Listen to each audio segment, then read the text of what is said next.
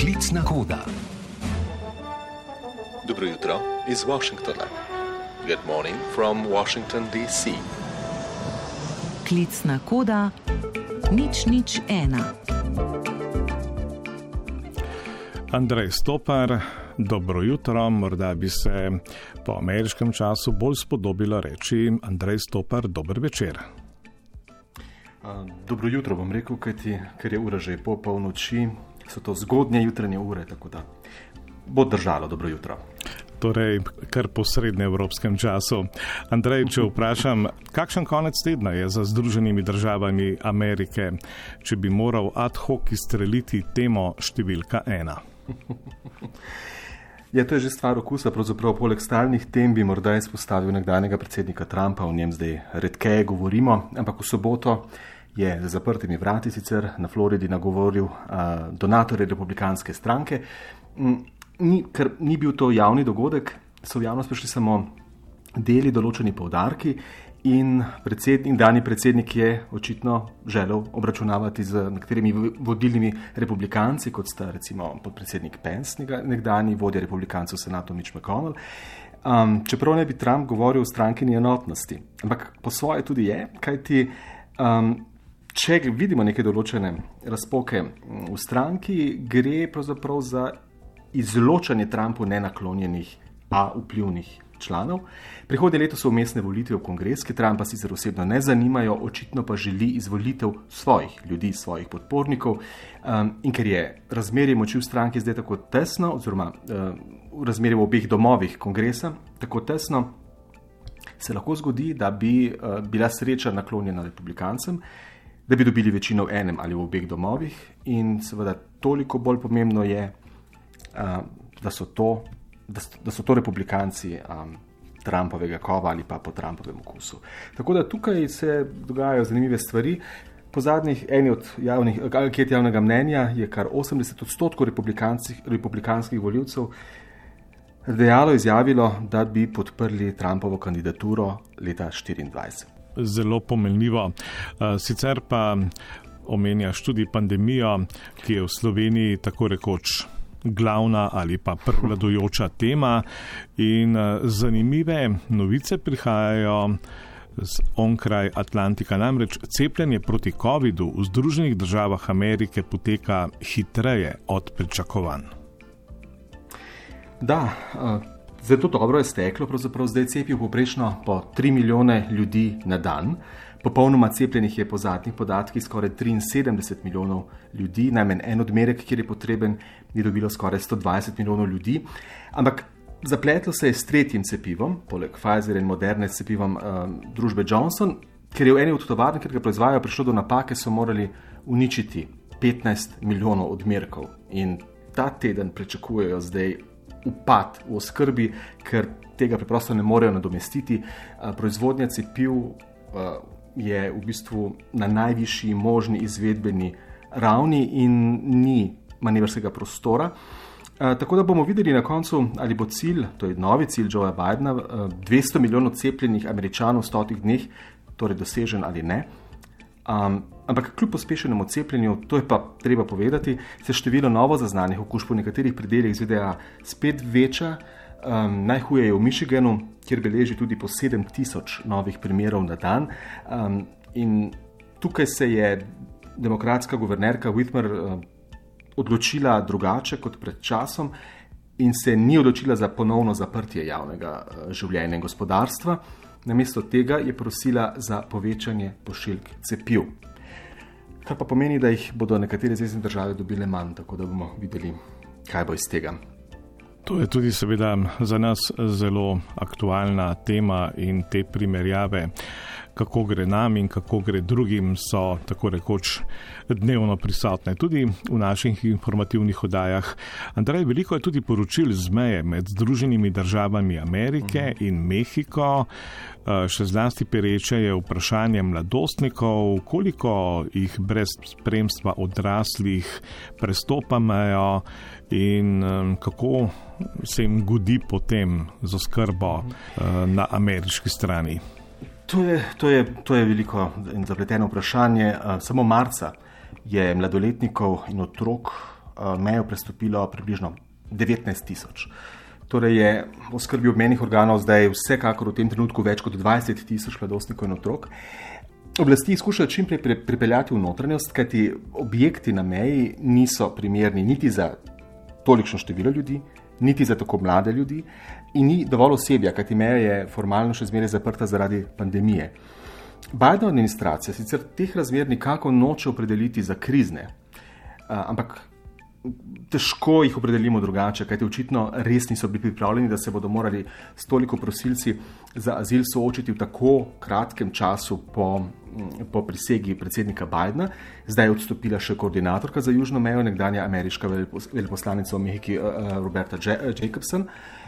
Če ne bodo res nečesa ukrenili in to zelo hitro, Mm, čeprav si prizadevajo, bo to, bodo migracije madež Bidenovega mandata nedvomno in tudi mandata podpredsednice Kamala Harris, ki je Biden predal nadzor nad reševanjem tega področja. Mm, in tukaj seveda republikanci to, eh, te razmere izkoriščajo seveda v politične namene eh, in zato imajo dobro priložnost.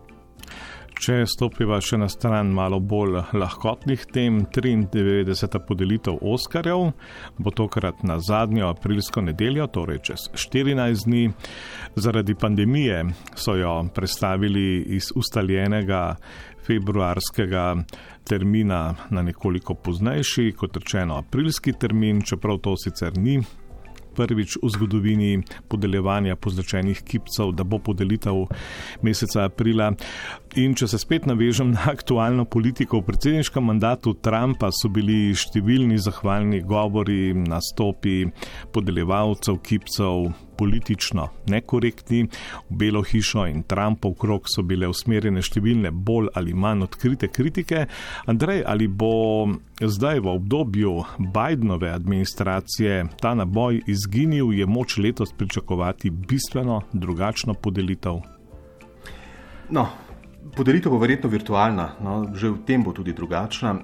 Kar pa zadeva te poudarke, mm, v tem se strinjam. Ja, tolikšnega naboja proti Bidenu, seveda, ne bo, ker Biden tukaj, seveda, predsednik eh, države, ampak nima iste vloge um, in ni tista tarča. Tarča kritike um, zdaj so razmere ali dogajanje ali um, sklop dogodkov, ne pa predsednik oziroma posameznik, no, tako bi rekel.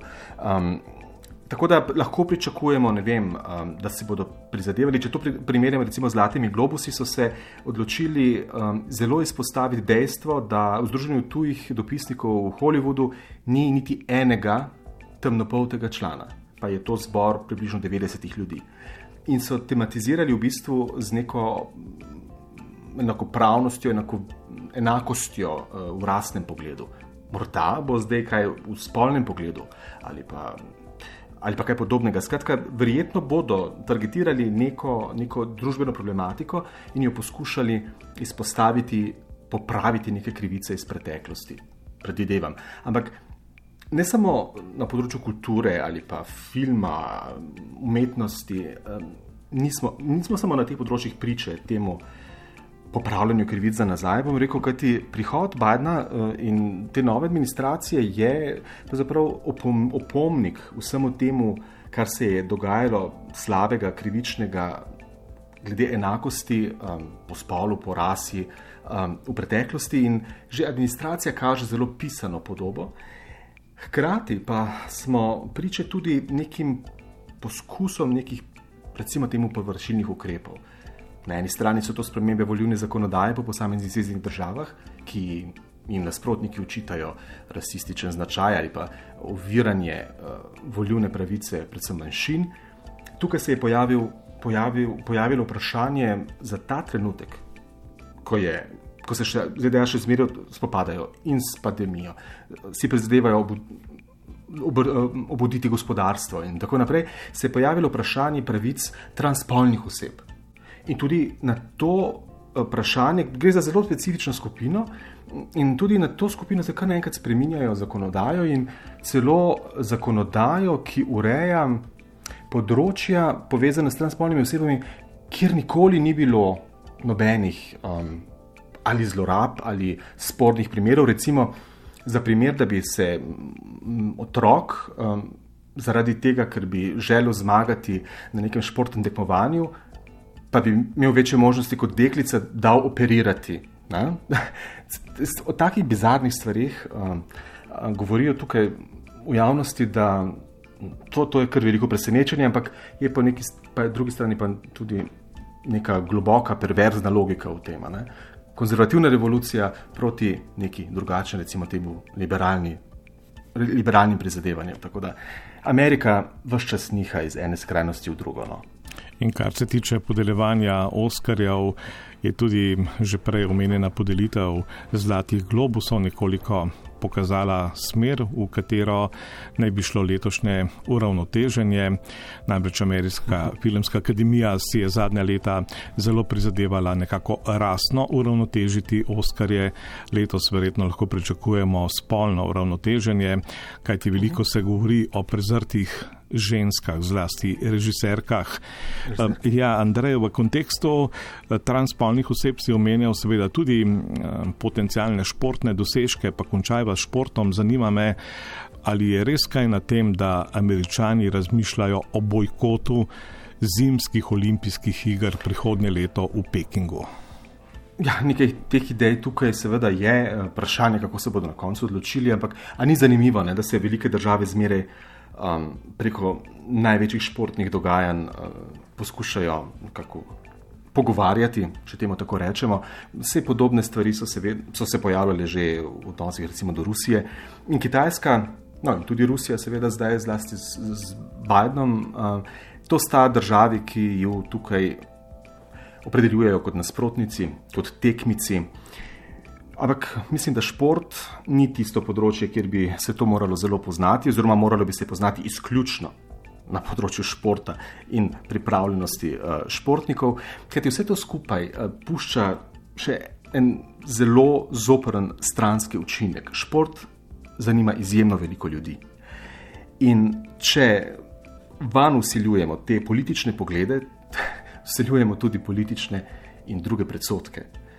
In tako se nikoli ne izvijemo iz, iz um, vrtinca teh um, trenutkov, ki slabšajo no, mednarodne odnose. Meni se zdi to, osebno se mi zdi to velika škoda.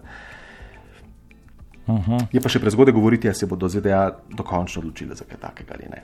Ja, brez dvoma bi največ izgubil prav šport in pa seveda športni navdušenci. Andrej Stopar, eh, hvala lepa za tale po tvoji uri polnočni klepet. Hvala lepa in vse dobro vam želim. Srečno. Srečno.